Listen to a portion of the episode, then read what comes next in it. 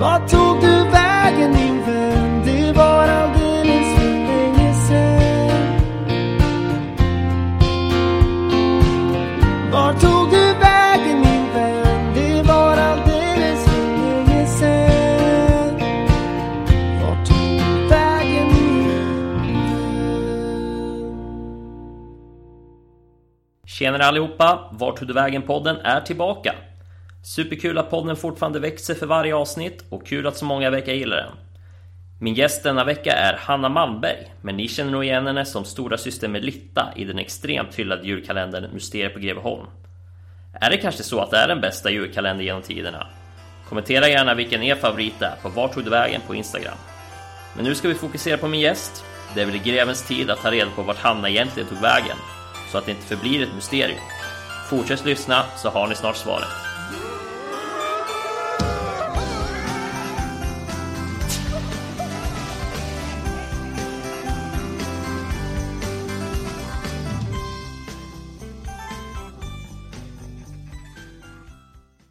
Hej Hanna och välkommen till programmet. Hur mår du? Bra. Härligt! Eh, förra veckan tyckte jag att det var kul att träffa en västeråsare ja, här i podden. Men eh, det blir även roligt nu för nu träffar jag en som är från mina hemtrakter. Du är född i Köping eller Arboga? Alltså jag föddes i Köping för det fanns bara lasarett där. Men det är Arboga som var min, liksom mina första år Mm. där jag bodde och levde med mina föräldrar. Har du några minnen därifrån? Eh, Ja, det har jag. Eh, jag vet att vi bodde i en gammal kyrka som var väldigt speciellt. Så en, en lägenhet, den har jag väldigt tydliga minnen ifrån. Och det här liksom pluttiga lilla när man gick längs med liksom gågatan i Arboga. Att det fanns verkligen en guldsmedsaffär där jag tog mina liksom första hål i öronen. Det fanns en liksom häftig butik som hette Modenytt och en Posten. Alltså allting var väldigt så här enkelt. Ja, precis. Men allt fanns, men det var väldigt tydligt och enkelt. Kan du sakna det nu när du ändå bor i en storstad? Ehm, nej, men alltså faktum är att man skapar ju den där lilla lillheten även i storstan, känner jag. Man skapar sina liksom, områden där man trivs, där man känner sig hemma. Man vet kaféer, man vet restauranger och man vet vilka butiker man gillar. Så att jag tror det. Jo, men jag gillar det. Men samtidigt så gillar jag också känslan av att ha en valfrihet. Att jag kan välja att gå till mina intima liksom, mysställen. Men jag kan också välja att, att välja bort det. Jag är liksom en frihetssökande liten äventyrerska, eh, tror jag. Och så att, eh, jag tror inte än att jag skulle bo i en sån. Då vill jag bo liksom på landet, landet, tror jag. Eh, jag tänkte att vi skulle slänga oss in egentligen i julkalendern Mysteriet Ja. på Greveholm direkt här. För du, du är känd för, som eh, stora syster Melitta. Ja, precis. Eh, hur uppstod intresse för skådespeleri? Oj! Ja, det var egentligen inget intresse vid den tiden. Utan jag blev liksom inslängd därför att min mamma jobbade som maskör. Och hon var god vän med producenten som producerade Mysteriet på Greveholm. De hade rollsatt och sökt efter en ung tjej som egentligen skulle vara 13 och inte hittat någon. Och så hon började ringa runt producenten, sina bekanta och fråga är det någon som har en dotter som skulle kunna komma in och provfilma? Och jag gjorde det. Ja, och vad hände sen? Eh, fick jag träffa Dan, regissören och hans son som också var med och skrev den här berättelsen, eller fantiserade ihop berättelsen tillsammans med sin pappa. Det var så liksom den kom till liv. Eh, och det gick ju bra. Så att helt plötsligt skulle jag filma och vara med i en julkalender och jag var egentligen då dansade sex dagar i veckan. Så att jag hade liksom fokus på att bli dansare, professionell dansare redan från nio års ålder. Och här var jag, när vi spelade in var jag 15. Men jag hade mött filmens magi ett år tidigare när jag jobbade med Bo Widerberg i Med lust och fägring stor. Och det var också en sån där grej att jag blev meddragen att vara statist. Och det var ganska många dagar för de behövde många statister på den här skolan. Och jag och Bo och Johan Widerberg och några andra blev liksom det låter lite konstigt så här, men, men Bo var ju en, liksom en, jag vet inte exakt hur gammal han var, men han var ju en äldre man. Men han var liksom sådär intresserad av alla människors tankar. Mm. Så han tog liksom oss på allvar, även vi som var 14. Lyssnade och ja, ja, ja så kan man ju tänka och ja, ja, jag förstår precis och, och hans entusiasm och intresse, det tror jag är liksom om jag sen tittar tillbaks på varför jag sen halkade in på skådespeleriet på riktigt och valde bort dansen. För jag blev ju dansare efter Mysteriet på Greveholm. Det är därför jag inte fortsatte med, utan jag fortsatte att dansa. Och sen så hamnade jag på att jag dansade liksom både internationellt och nationellt som modern dansare. Men tröttnade och kände att den här magin som jag hade upplevt med både Bo och på Mysteriet på Greveholm, att få berätta, att få göra en karaktär. Det fanns inte där. Det var inte tillräckligt att bara använda kroppen för mig. Sen tycker jag att det är fantastiskt, men jag behövde liksom den här kontakten med det mänskliga. Du var ju inne på det, men hur du fick jobbet som eh, Melitta. Det var ju alltså genom din mamma som hade lite kontakter kan man säga. Men fick du även göra, fick du göra auditions? Ja, absolut. Mm. Eh, jo, men jag fick eh, provfilma då med regissören och hans son. Mm. Så jag gjorde bara en provfilmning och sen var det liksom klart. Och sen var det bara, ja, du ska spela med Litta och du ska få tandställning. Och jag fick gå och gjuta tandställning. Och började läspa och den var inte klar förrän ganska precis när vi skulle liksom börja. Så jag hade liksom ingen tid att öva heller. Så man hör lite när man lyssnar att det skevar lite på vissa, mm. i vissa scener. För där är det liksom lite mer läsp läspande liksom. Att jag inte fått in tekniken att prata för det var liksom plast i hela gommen. Ja. Så att det var, ja. Men jag fick ju den och då var det ju bara så här, jag gick inte i skolan på tre månader för det var så intensiv inspelning. Så vi hade en lärare på plats så att vi fick liksom så att säga homeschooling eller tv-schooling. Och det var ju nian så för mig var det viktigt att gå ut med bra betyg. Ja. Det var liksom lite kriteriet också från min mamma. Att du får göra det, men du ska också hålla dina betyg. Hur reagerade vänner och kompisar på att du hade den här rollen? Inte så mycket. Nej. För de visste ju inte då alltså vilken effekt och jag tror att mina jämnåriga var inte längre så intresserade av julkalendern. Nej. Det var liksom tonåringar, de kanske tyckte det var mysigt men det var ingenting man liksom stoltserade med i, i gängen eller Nej, nej, nej, precis. socialt. Utan det var mer, jaha, okej. Och även mina nära vänner var liksom, för de visste jag också, redan när jag var 13 började jag jobba. Då var jag med i en musikal. Och jobbade torsdag, fredag, lördag, söndag efter skolan och spelade. Och då var alla andra i ensemblen mycket äldre än vad jag själv var. Jag var då 13, 14 och de var, den yngsta tror jag var 18 och sen var de liksom upp till 27. Men så att jag hade liksom, jag tror att mina vänner var ganska vana vid att jag gjorde liksom andra saker som tillhörde kanske mer vuxenvärlden Mm. eller en annan slags värld. Eh, så. Mm. Men eh, hur känns det ändå att ha varit med i en sån pass klassiker som den ändå har blivit? Ja men det är ju bara helt magiskt. Jag blir eh, glad varje gång jag möter någon som säger vad, vad, hur den har påverkat. Att de fortfarande, det är liksom 25, 26, 30-åringar som säger att det finns ingen jul utan att titta på Mysteriet för Greveholm. Mm. Och jag är så här, nej okej, vad härligt då. Ja men du förstår inte, du, du och ni, ni är liksom, det är jul för mig. Det är liksom tryggt, det är mysigt, det är härligt. Och då blir man ju väldigt glad liksom. Och det tog lång tid innan jag förstod själv storheten i det. Den kom liksom flera år senare, inte när vi sände den. Nej.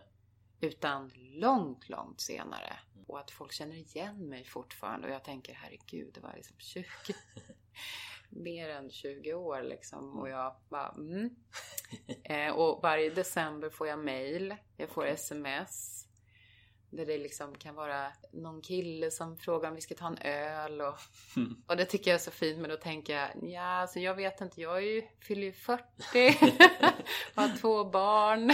Ja, målat upp bilder om att du är med Litta liksom. Ja, fortfarande. kanske. Mm. Ja, jag vet inte. Men det är mycket fint så här att åh, den har funnits med i många, mångas liv.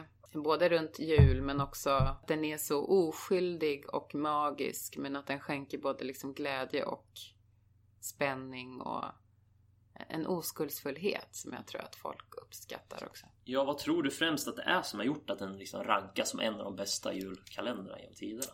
Jag tror för att den innehåller allt som ett barn vill ha. Mm.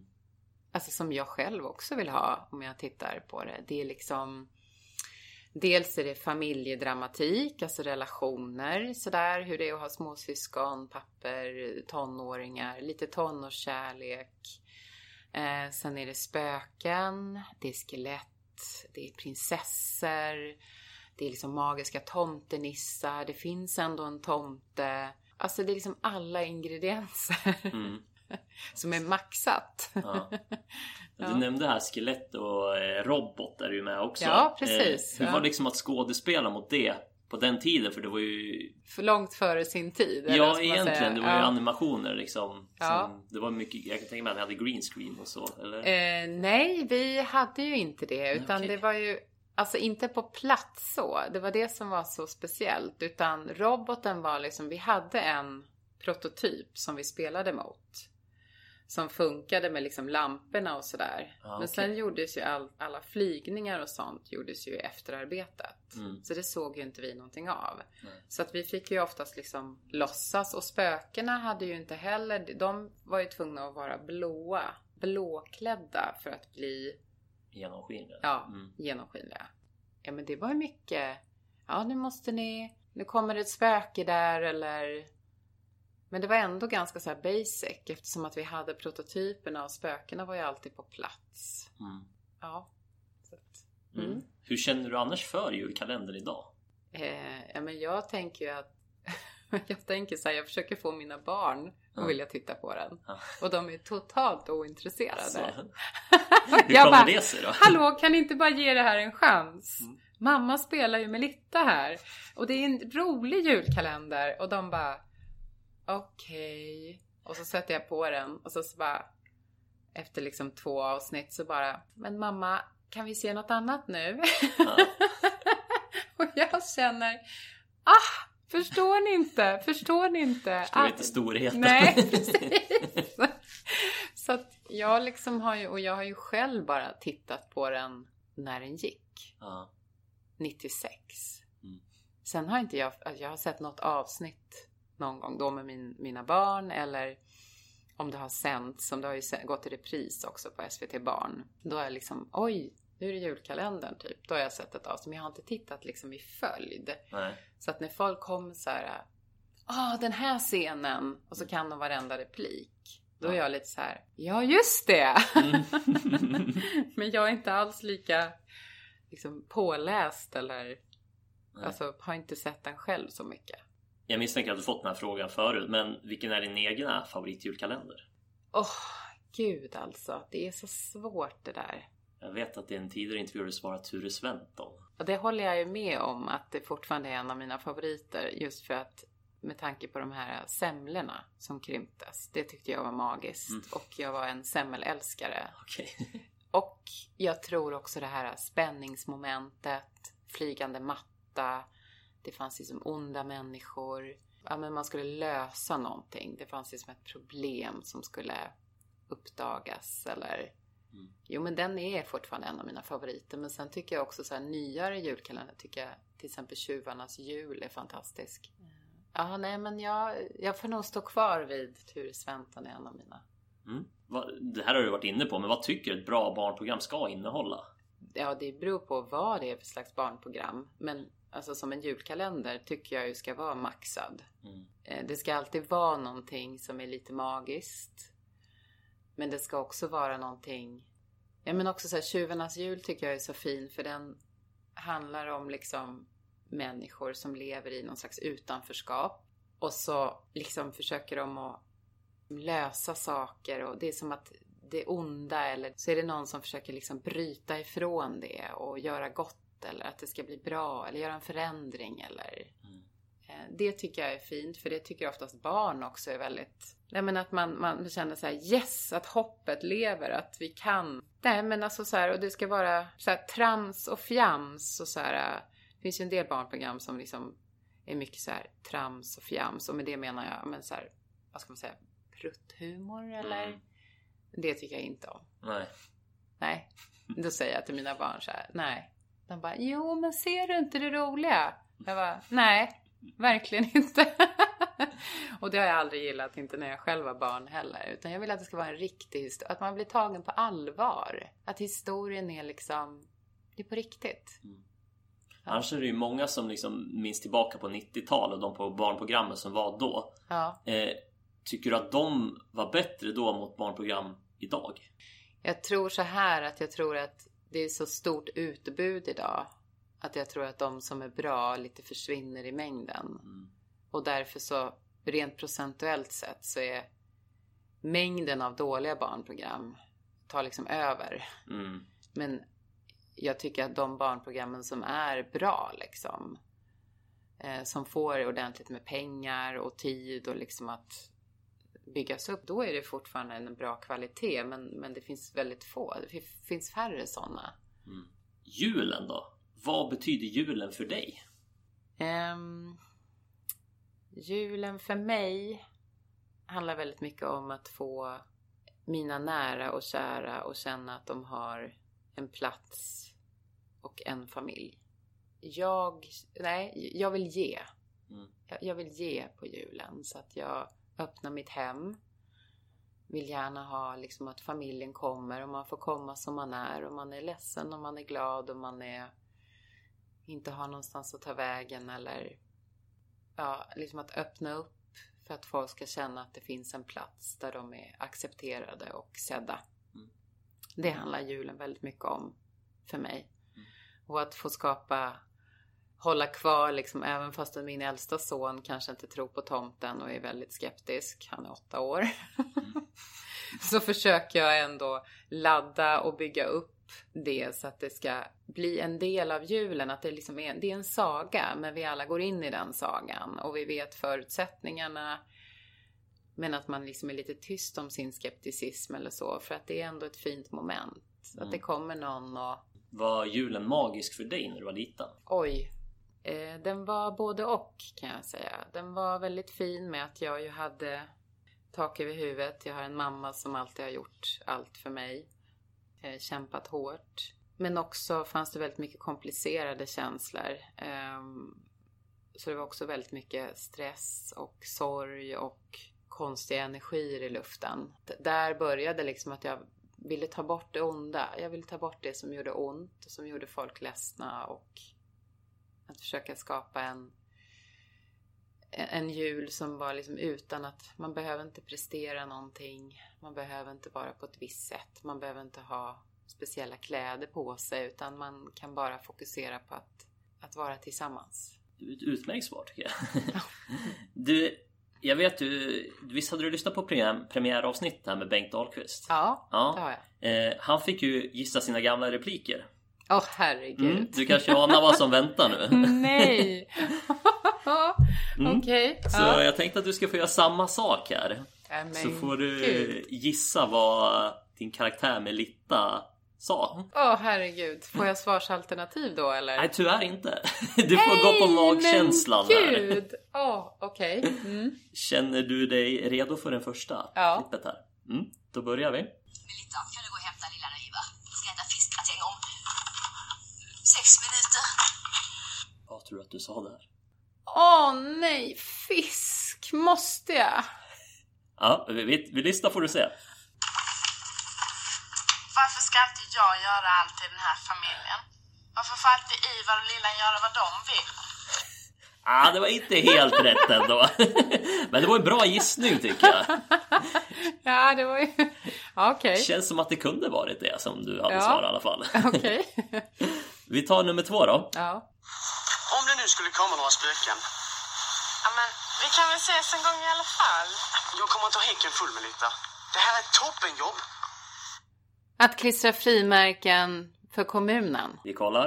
Att slicka frimärken på kommunen, är det ett toppenjobb? Ja men suverän! Nästan! Ja men det där är ju helt klart en poäng. Det var ju riktigt bra jobbat. Ja, vi tar nummer tre då. Ja.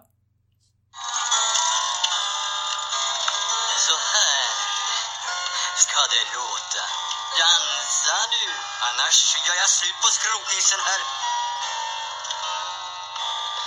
Hjälp mig Milita! Jag hatar att dansa! Strunta i oss, träna språk istället! Nu ska du få ditt gamla skelett. Mm. Ja, vi kollar.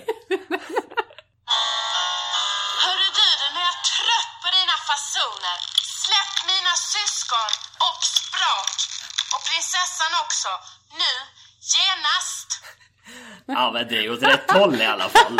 Det tycker jag. Jag kände att det var liksom en karaktärsvändning där. Då tog hon liksom... Han tog tag i Hon problemet. tog tag i problemet ja. ja. Ja, ja men det, är- det är väl ett poäng där också tycker jag. Jag är snäll med poängen. Då tar vi den sista. ja. Du måste ha varit en eh, vacker lucia. Tack. Vad ska du göra nu då, hade du tänkt? Eh, Jag hade tänkt ut någonting, ja. Vill du kanske följa med? Får jag? Ja. Gud vad roligt. Let's join the joyride! Ja, vi kollar. Det är precis som den där Roxette-videon. Let's join the joyride! Ja men skitbra jobbat där alltså. Det är mer än hälften. Det tycker jag var suveränt. Minns du scenerna? ja, Ja, det gör jag väldigt tydligt. ja nu när de kommer upp så här i huvudet kanske. Ja, jag minns liksom med Andreas där med, ja, eh, de scenerna på grusplanen och sen Lucia.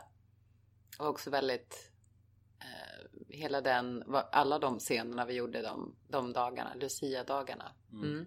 Nej, alltså det, det är väldigt tydligt. Det är liksom vi, allting kommer liksom tillbaks och det är jättefint. Det var verkligen så länge sedan jag, ja. Blir nej. sugen på att kolla på den nu? Ja, lite. Ja. Kanske blir det julen nu då. ja.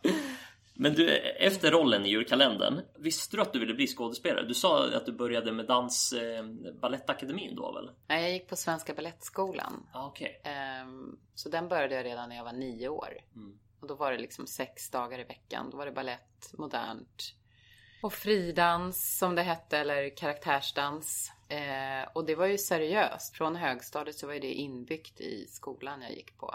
Så att istället för gymnastik, hemkunskap, träslöjd hade jag eh, dans då på schemat. Så det problemet var ju att, eller lite, det var lite problem eftersom att jag gjorde, hoppade av eller var borta från skolan i tre månader. Då var jag också borta från dansen i tre månader och muskler försvinner ju snabbt. Efter den här äh, inspelningen som gjordes någon gång där vintern till sex så skulle jag senare i april, maj göra min insökning upp till Stockholm till Svenska Balettskolan för då fanns det ingen mer i Malmö. Eh, och då gjorde jag det och kom som tur var, jag kom in ändå liksom fast jag inte var i mitt bästa form skulle jag säga. Men eh, jag kom in där och då flyttade jag ju upp och liksom tappade fokus på skådespeleriet. Även fast jag tyckte det var väldigt kul. Men jag hade liksom ett sånt starkt fokus. För jag hade lagt ner så många timmar, så många år redan på att jag skulle bli dansare. Så jag kommer in här i Stockholm och börjar gå professionella liksom gymnasieutbildningen eh, mellan 96 till 99. Sen är man liksom färdig dansare. Då är man 19 år och så söker man jobb. Så att då fortsatte jag bara stenhårt med det, för det fanns ingen tid att göra något annat. Där liksom tränade man. Man började åtta på morgonen, kom hem vid sju på kvällen. Jag bodde ensam, min familj flyttade inte med. Så jag bodde liksom inneboende i olika... Ett år var jag på Mariatorget, något år delade jag lägenhet med en eh, kille i min klass i Alby. Hamnade jag långt ute i ingenstans. Eh, Och tredje året hamnade jag i ett kollektiv. Där bodde det flera andra. Hamnade hos en galen tant som jag hittade halvt inklämd i en klädkammare. Nej men jag har så mycket konstiga boende. Det är, en, det är en annan podd. Vilka ställen har du bott på i ditt liv? För att jag bodde på väldigt märkliga. Jag har varit med om mycket konstiga saker. Kan Ja. jag säga. Men, men, men också idag är det ju roligt. För att man har ju väldigt mycket erfarenheter av konstigheter. Ja. Ehm, Ja, och sen så jobbade jag som dansare. Så att det var inte förrän... Och jag jobbade liksom både i Spanien, eh, New York, jag var runt i Sverige. Och sen började jag jobba upp i Gävle, Bollnäs med Folkteatern Gävleborg. Och det var inte förrän jag jobbade med eh, Rolf Lassgård och kvinna som heter Cecilia som var röst eller tal och röst och textlärare på scenskolan i Stockholm. Som sa till mig att jag tycker du ska söka scenskolan. Och då var jag lite skeptisk sådär, nej. Nej, vadå, ska jag liksom gå en utbildning och Nej, och jag tyckte då eftersom jag var väldigt invand dansare och jobbade utifrån min kropp så kunde jag också tycka att skådespelare, för de hade jag ju mött i de här produktionerna med att de var ganska jobbiga ibland. För att de ville ju alltid ha svar på allting. Så här, varför gör hon så? Varför tar jag upp den där? Eller varför säger jag det där? Eller... Och det är ju en del av deras arbetsprocess och det fattar jag ju nu. Men då som dansare så var det bara så frustrerande ibland att säga, men kan du inte bara göra, kan du inte bara gå dit? Vi jobb- Man jobbar liksom på olika sätt.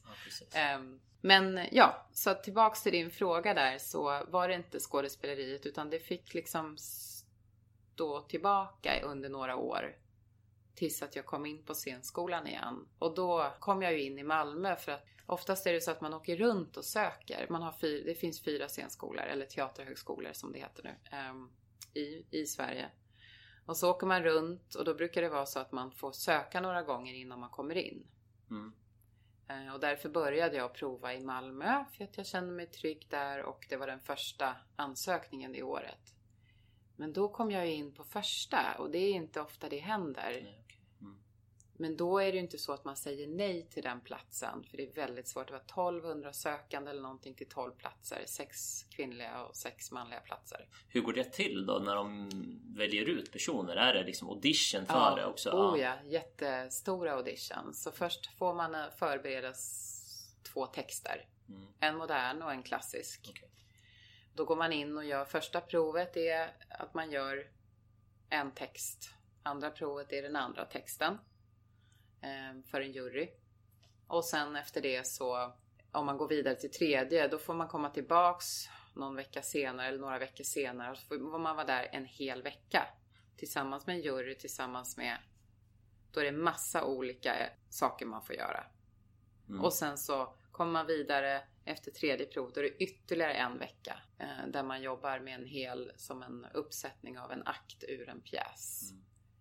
Så det är Ja, väldigt det är väldigt tufft. tuff konkurrens där då. Ja. Så ja. Och sen så gick jag ju där i Malmö. Så jag flyttade ner igen till Malmö under fyra år och gick Teaterhögskolan. Och sen flyttade jag upp igen.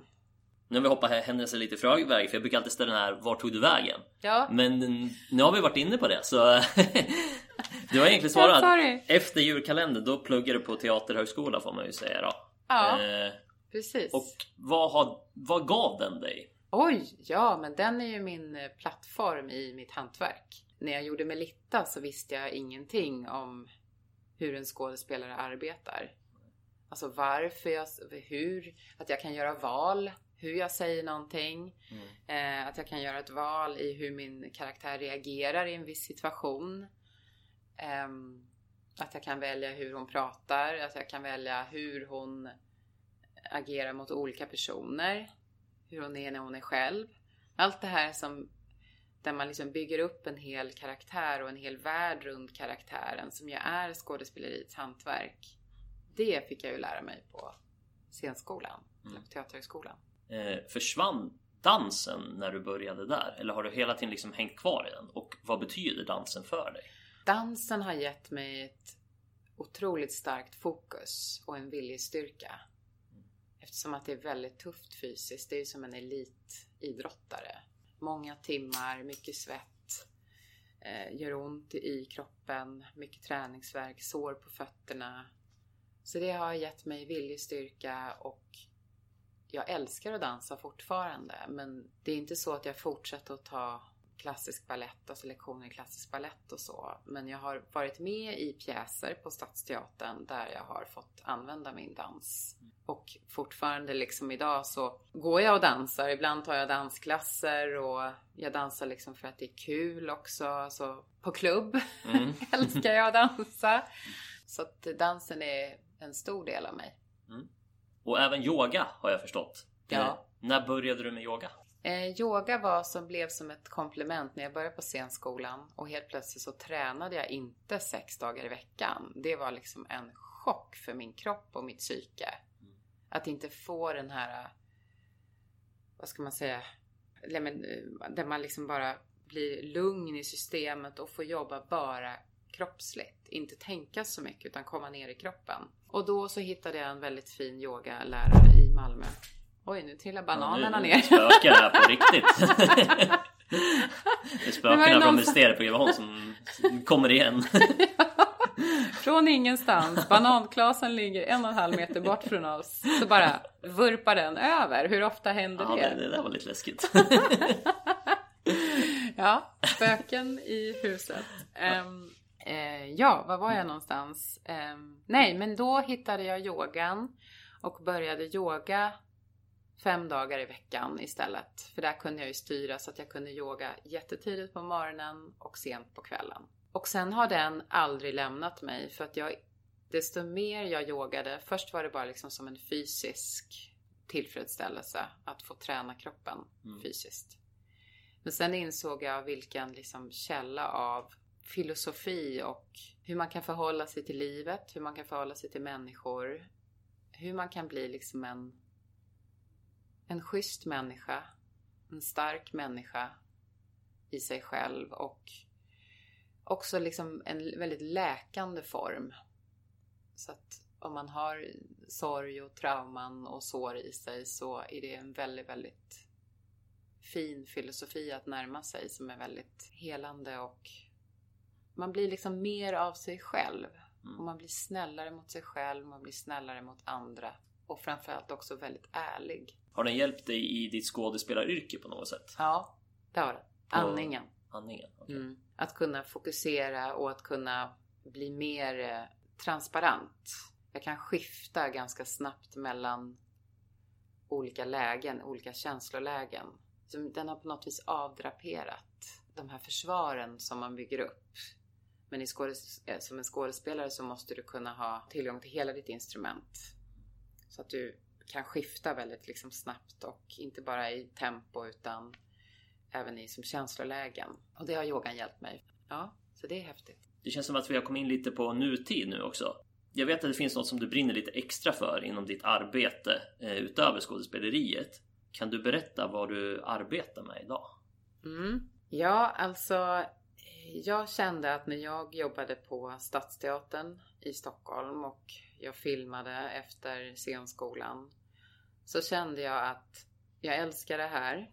Jag känner mig hemma, men jag känner också att det fattas någonting. Och det tror jag också springer ur min egen bakgrund av att ha fått kämpa lite extra och ha haft människor som har inte mått så bra runt omkring mig så har jag känt att jag vill ge tillbaka. Ge tillbaks ett ljus, ett hopp, liksom en, en möjlighet att få en annan människa att känna sig sedd, att känna sig behövd, att känna att den har en plats här på jorden, att det finns en mening att den, här, att den är här helt enkelt.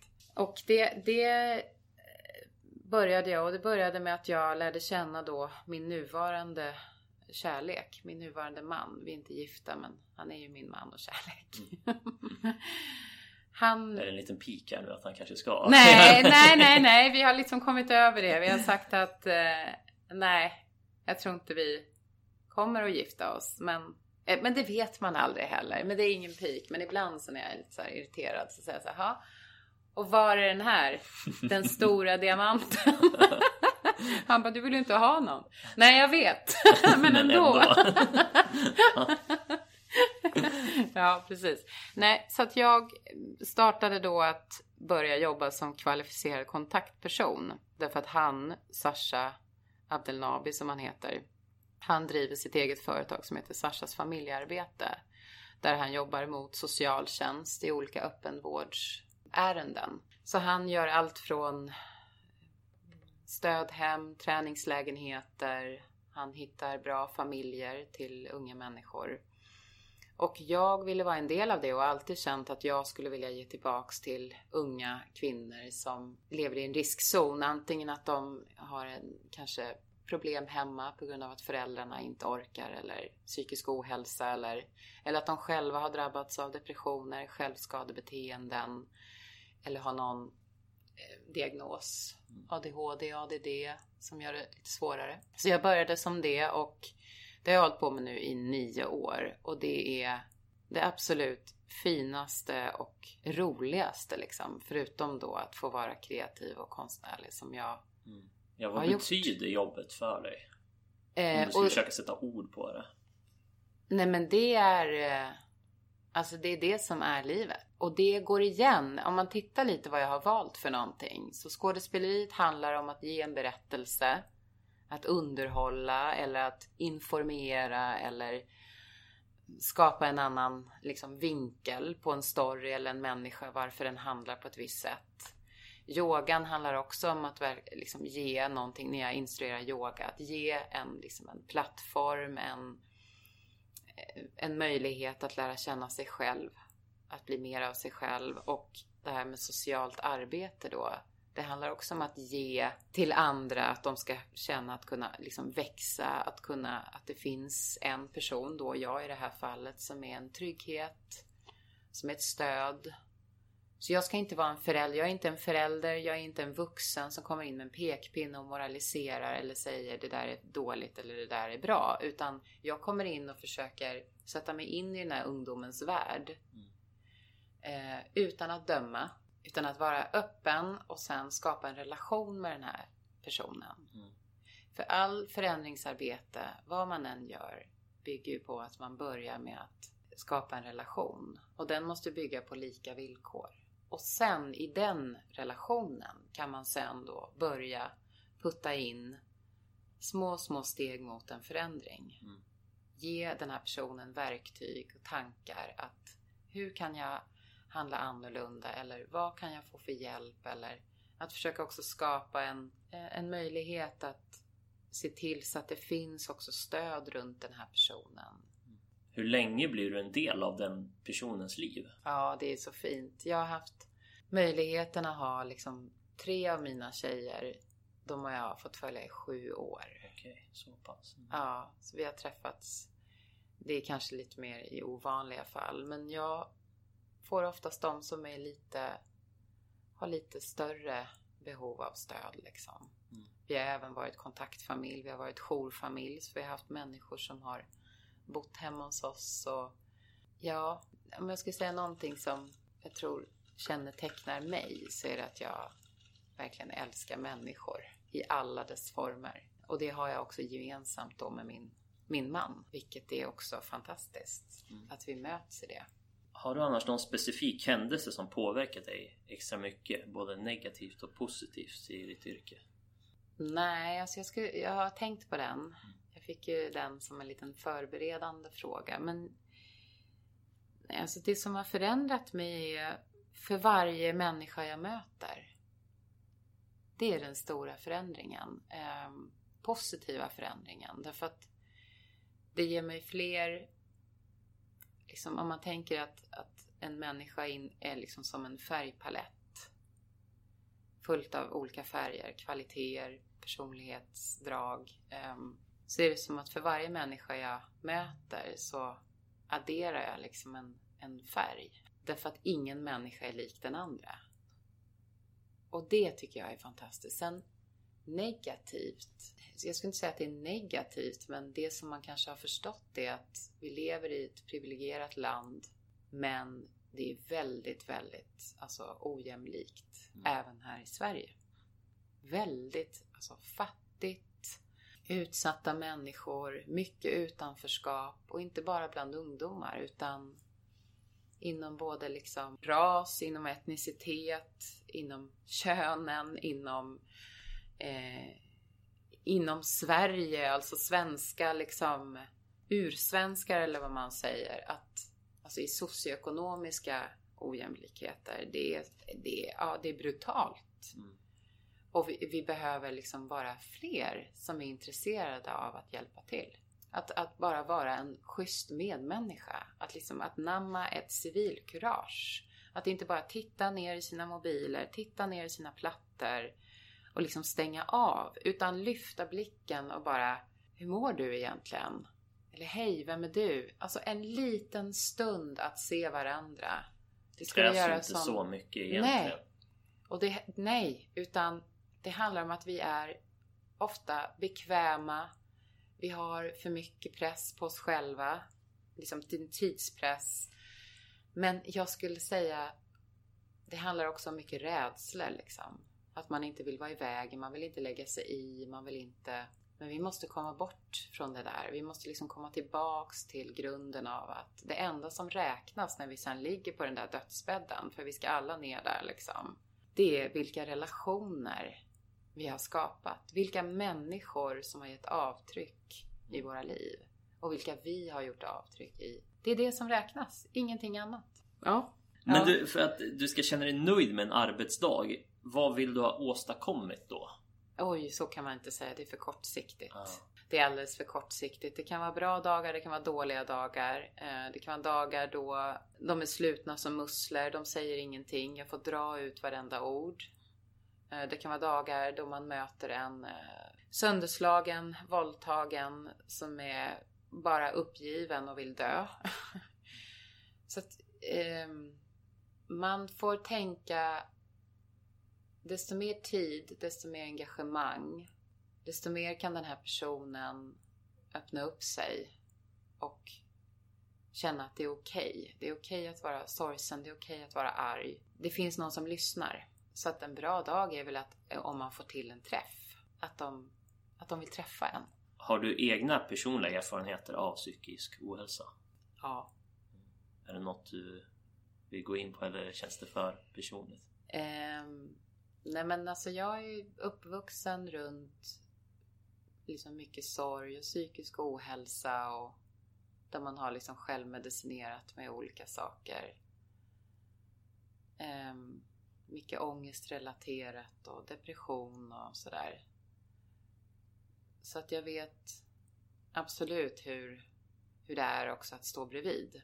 Jag har aldrig drabbats av någonting av det här men men jag har på något vis alltid sedan jag var liten känt att det finns en hoppfullhet. Och just det här suget efter livet, att få uppleva livet har gjort också tror jag att jag har kunnat blicka framåt. Även när det har varit riktigt vidrigt och hemskt. Så. Men eh, ja, så jag har erfarenhet av det själv. Mm. Men jag vet också att man kan välja något, eller liksom inte det handlar inte heller om val. Det var liksom men att som anhörig så kan man också ta sig ur ett medberoende, få stöd och hjälp så att man kan också fokusera på att skapa ett liv som inte bara styrs av, av det. Om vi vänder på det och tänker i positiv bemärkelse istället. Mm. När i livet mådde du som bäst? Åh! Åh gud. Nej men det tror jag att jag gör nu. Ja, absolut. Mm. För nu känner jag att jag har liksom, jag har skapat det livet som tycker om. Fint. Du verkar oavsett ha ett väldigt viktigt jobb och gör en stor skillnad i personers liv. Men nu tänkte jag att vi skulle göra något helt annat faktiskt. För nu tänkte jag köra poddens andra test här. Ja, Och tänkte jag köra fem snabba frågor med dig. Och så får du välja ett av två alternativ. okej. Och de är präglade av dina, det du har berättat om bland annat. Okej, är det här slutspurten då eller? Ja, vi börjar närma oss den i alla Jaha, fall. Okej, ja. Eh, då börjar vi först här. Mm. Dansen salsa eller salsa i maten? Dansen salsa. Dansen salsa. Ja. Mysteriet på Greveholm eller Ture Sventon? Nej, Mysteriet på Greveholm såklart! Ingen tvekan alls. Nej. Rod Stewart versus Gustav Skarsgård. Gustav Skarsgård. Här får du nästan förklara lite för dem eh, varför just jag har valt de här personerna. Eh, nej men, eh, ah, okej. Roddan, eh, han och jag gjorde en reklamfilm tillsammans. Men som det är med de här amerikanska stora stjärnorna så vi flögs båda ner, eller jag flögs till eh, USA, till Kalifornien. Eh, och eh, han var ju redan där i krokarna. Eh, men han hade sin liksom trailer och han hade assistent och hans fru var med och och liksom, han kom liksom inte och umgicks mellan tagningarna och så. Utan det var liksom, vi andra var på plats. Allting var klart och så kom de och hämtade honom från trailern och han kom ner och så körde han sin grej och sen när det var cut Mm. då gick han ifrån och så gick han upp till trailern igen. Så vi hade ju liksom ingen chans att bonda. Nej. Och därför så säger jag Gustav för att Gustav vet jag också har gjort en, en, liksom en resa och han har jag träffat liksom lite mer personligt. Även fastän vi inte, vi är inte nära vänner eller så. Men bekanta liksom som har pratat ibland och ibland kommer han och yogar och Mm. så att Ni gjorde en film ihop ska vi säga också. Det Ja, var- just det. Ja, men precis. Jo, men just det. Vi gjorde Happy End av Björn Runge. Precis. Eh, vi hade ju inte så mycket scener ihop. Hade vi inte. Men jag väljer Gustav för att jag känner honom mer. Mm. Och Roddan... Ja. Mm. Jag kan- kanske ska lämna det där. Nej, men liksom han var trevlig. Men liksom det blir konstigt med de här superstjärnorna. För Mm. alla blir konstiga runt omkring. Ja. Hela sättet där, det var ju liksom jättemånga människor. Mm. Oh my god, now he's coming! Oh my god, is everything ready? Okay, Roger Stewart is coming, Roger Stewart is coming. Uh, have you seen his wife? Uh, det var sån konstig Riktig vibe. hysteri liksom. Ja, Mm. så att jag vet att jag sa ifrån någon gång och sa så här, men nu får ni väl bara liksom ta det lugnt. Han är en människa liksom. Det är så konstigt det här. Det är inte... Och nu, jag förstår, efter det mötet med honom så förstår jag alla superstjärnor. Nej men de är skygga, Mm. de har sitt eget team med sig överallt. Ja, för det är inte kul kanske att utsättas för det heller. Den typen av Nej. mottagande. Det blir ju inget som Nej. du sa bonda med dem. Det gör man ju inte då. Nej, och det blir ju liksom inget avslappnat heller. Ja, ja så Gustav. Ja. Malmö eller Stockholm? Åh, den är jättesvår. Jag bara hör hur så här, en del av mina vänner och familj kommer säga du måste väl säga Malmö. Eh, och sen så känner jag så här, ja men Stockholm är ju liksom mer mitt hem liksom. Om gud. du måste då. Om jag måste välja, det här är så svårt. Nej men då måste jag ju välja Stockholm för att min familj är här. Mm. Men det var inte lätt. Nej. Nej. det kanske man kan ac- acceptera i alla Ja. fall. Den sista här då.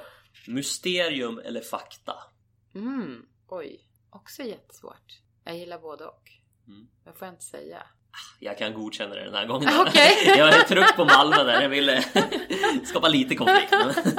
Ja, Ja men båda då. ja, jo. Nej men jag vill, man, det ska vara faktabaserat. Liksom, det beror på också vad det är för någonting. Mm. Ja, Men sen klart. älskar jag också mysterium. Mm. Ja. Men om vi går tillbaka lite på din skådespelarkarriär. Mm. Eh, önskar du att utveckla den ännu mer? Oh ja, herregud ja. Jag håller på för fullt nu och liksom Jag har ju fokuserat, ja, vad är det nu, två års tid på att bara bygga upp liksom att få filma mer. Mm. Och även in, inte bara i Sverige utan internationellt. Så att jag håller ju på och liksom har börjat mycket mer nätverka. Jag driver mina egna projekt, jag har börjat skriva egna manus, jag har börjat lära känna liksom regissörer och producenter i andra länder. Därav sitter jag också på det här kontoret där vi är många frilansare som håller på med samma sak. Men vi boostar varandra, vi hjälper varandra. Så att ja, absolut. Och nu mitt senaste projekt, det, det är jag otroligt glad över. Det kommer sändas i höst och det handlar om ett ämne, liksom våld i nära relationer. Väldigt hemskt ämne, men också otroligt eh, viktigt. Det bygger på riktiga historier. Ehm, Är det något du kan säga vad det heter? Nej tyvärr, jag får inte det. Nej. Det är därför jag liksom... Men det kommer ju sändas på en kanal som alla har. Mm. så kan jag säga. Mm. Ja. Eh, Men det kommer sändas i höst så det är jag väldigt, väldigt glad över. Mm. Så det är mitt nästa projekt. Yes. Mm. Vad har du annars för yrkesmål just nu? Mina yrkesmål är att få filma mycket mer och göra, skriva klart mina egna manus. Eh, se om det kan bli någonting. Är liksom en process där med att först skriva och sen ska man hitta samarbetspartners, sen ska man hitta någon finansiär och, och sen ska man hitta en distributör och ja, så det är en långt led liksom. Men ja, så att jag jobbar, jobbar på det helt enkelt. Om du skulle få en förfrågan på att göra mysterieprogram om tre, för det har ju kommit en uppföljare, skulle du ta den då? Eh, det beror på manus. Mm. Ja, Mm. så säger jag. Yes. Ja. Men eh, vad är din yrkeskategori är du mest stolt över att ha på ditt CV? Men alltså då måste jag nog säga, även fast jag inte har sett resultatet, så måste jag nog säga det här projektet jag precis har spelat in. Eh, det, är inte, det är inte på mitt CV. Jo, det sitter på mitt CV, men, men inte all information. Men ja, Mm. om jag ska... Då får man verkligen hålla utkik nu här framöver Ja. sen. Ja, eh, nu har vi gått igenom ditt liv här. Känner du dig bortglömd? Skulle du säga? nej. Nej. Nej, det gör jag verkligen inte. Ehm, det har varit liksom en resa också för när jag eh, sen började, alltså efter scenskolan och sökte jobb och jobbade på Stadsteatern här i Stockholm. Jag filmade TV, Häxdansen och jag gjorde Happy End och, och sen blev ju jag gravid. Mm. Och fick mitt första barn och då tog jag ju liksom frivilligt en paus och precis när jag skulle börja jobba igen efter två år då blev jag gravid igen. Mm. Och då, man får inte så mycket roller när man är gravid. Nej. Alltså sen när man redan har en.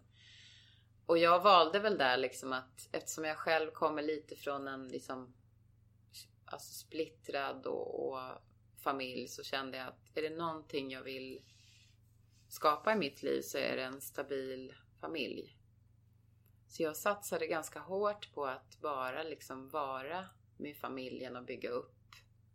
Att bli mamma och liksom att känna att jag var trygg i det och få ge mina barn den närvaron liksom av, av mig.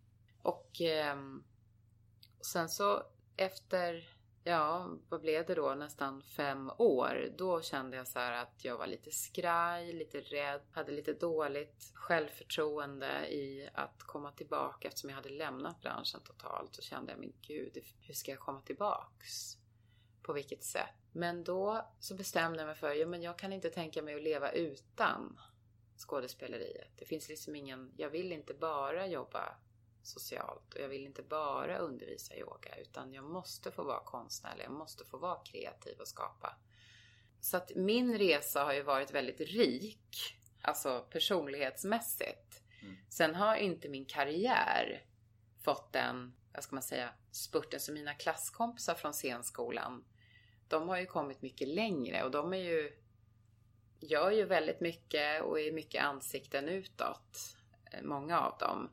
Och det kan man ju känna så här, ha men kan man bli lite nedstämd och tänka Först då gjorde jag ju det när jag skulle komma tillbaka men sen nu känner jag så här, fast jag har ju byggt någonting annat Mm, de under de här åren. Nej, och det vet man ju inte liksom. Men, och då känner jag att det tar jag med mig nu. Att jag är väldigt fokuserad och jag väljer inte heller.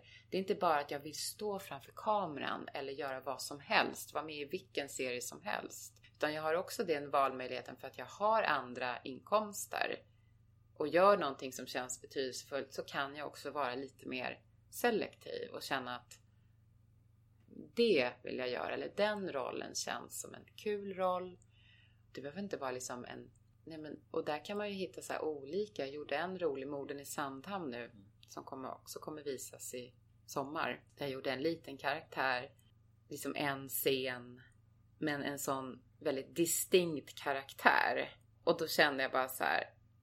Ja, så roligt. Alltså en riktig vidrig överklassbrutta. Mm. Och jag kände bara så här.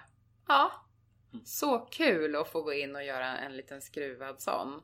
Så att nej, jag känner mig inte bortglömd. Man blir det man gör, liksom gör av det. Strålande. Nu har vi pratat om Mysteriet på Greveholm, dansen, yogan och ett jobb med psykisk ohälsa. Mm. Är det någonting du tycker vi har missat att prata om? Ehm, massor, men inte som men inte som jag känner ska få plats i den här podden. Nej. Nej. Du känner dig nöjd med intervjun? Ja, absolut. Härligt. Känner du dig nöjd? Jag är supernöjd. Det var väldigt kul att lära känna dig här. Men du, då tycker jag att vi avrundar. Eh, Men då måste jag ställa min avslutande fråga och det är, är det någon du undrar vart den har tagit vägen? Nej.